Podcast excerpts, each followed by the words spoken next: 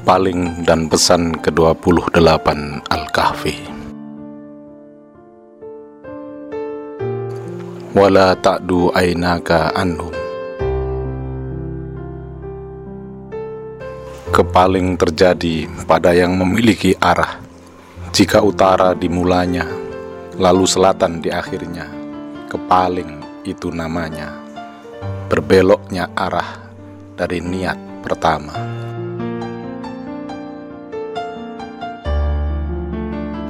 Setiap kita memiliki arah pergi, setiap kita mempunyai tambatan hati, kudangan yang disanjung pagi dan sore hari, bisa dalam bentuk berbeda pada setiap diri, tapi kudangan yang tak memfitnah diri, tambatan hati yang tak mengkhianati, memiliki ukurannya sendiri.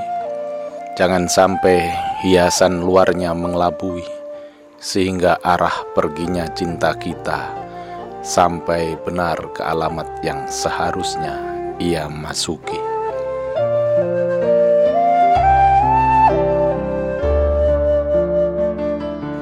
Pada kemewahan dan kekayaan hati terpikat, pada jabatan, gelar, dan kedudukan hati terikat, pada kesenangan dan hura-hura hati teringat lalu mulai merasuki pandangan, membangun keyakinan bahwa kemuliaan adalah mereka yang harta, yang kedudukan, yang pangkat berlimpah-limpah, bertumpuk-tumpuk tinggi. Perlahan ia berubah menjadi keyakinan. Semakin lama ia menjadi arah yang dikejar-kejar. Lalu inat seolah hidup tak berarti tanpa mereka. Segala jalan ditempuh untuk bisa merasakannya.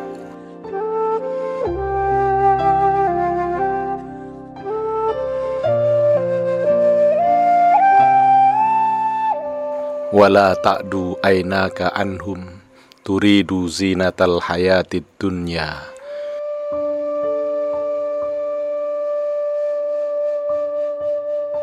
duduk Rasulullah bersama sahabat berjalan seorang dengan baju indah, rapi bersih berpenampilan menawan. Rasulullah bertanya kepada mereka, para sahabat yang duduk di sekitarnya, "Ma ra'yuka fi hadha?" Salah seorang yang kaya di antara mereka berkata, "Orang macam itu ya Rasulullah, jika ia menghendaki untuk melamar gadis, pasti diterima." Jika ia meminta rekomendasi, pasti diberi. Jika ia berkata-kata, pasti didengar. Rasulullah terdiam sampai saat seorang dengan baju kumal melintas di hadapan mereka. Dan Rasulullah kembali bertanya, "Ma yuka fi hada?" Ya Rasulullah, dia adalah orang miskin. Orang macam ini jika melamar gadis ditolak, jika meminta rekomendasi dilirik pun tidak, jika berkata tak akan didengar.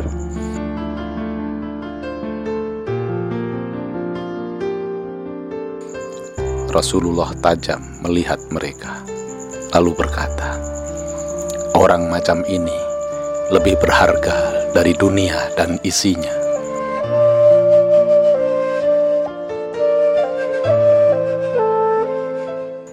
Semua terdiam, sunyi, tertunduk oleh terangnya cahaya yang menyilaukan pandangan mereka.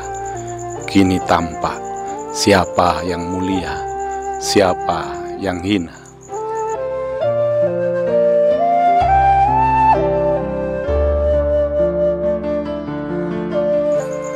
Sayang, hari ini ukuran kita melihat yang mulia dan yang hina, yang kaya dan yang miskin, bukan ukuran Sang Mustafa. Kita menghukumi manusia dari baju yang dikenakannya, bukan apa yang disembunyikan di belakang yang ditampakkannya. Kita telah berpaling dari arah yang seharusnya, menuju arah yang ujungnya kedengkian, hasut, dan aniaya.